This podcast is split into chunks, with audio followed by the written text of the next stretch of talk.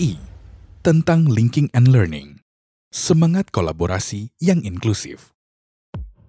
Indonesia Inklusi adalah sebuah komunitas yang mempertemukan berbagai organisasi masyarakat sipil untuk saling belajar dan terhubung.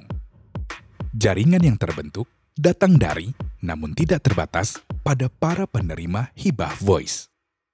Prinsip utama dalam komunitas ini adalah menempatkan penerima hibah sebagai pusat dari seluruh kegiatan linking and learning.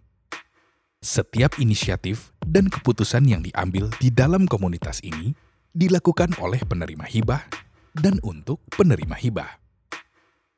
Komunitas ini mendorong terciptanya kolaborasi, pertukaran dan pembelajaran, inovasi, serta penerapan pengetahuan baru antar organisasi yang ada di dalamnya. Tujuan dari kolaborasi ini adalah untuk menciptakan sebuah agenda dan mimpi bersama yang perlu dicapai dengan kerjasama dan partisipasi dari semua organisasi yang terlibat.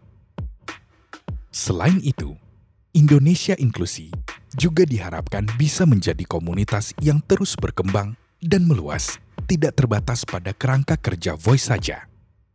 Setidaknya, saat ini ada empat kelompok yang menjadi pemangku hak yang didukung oleh organisasi-organisasi ini, antara lain penyandang disabilitas, perempuan yang menghadapi eksploitasi, pelecehan dan atau kekerasan, kelompok rentan yang terdiskriminasi usia, terutama anak muda dan lanjut usia, serta kelompok adat dan etnis minoritas.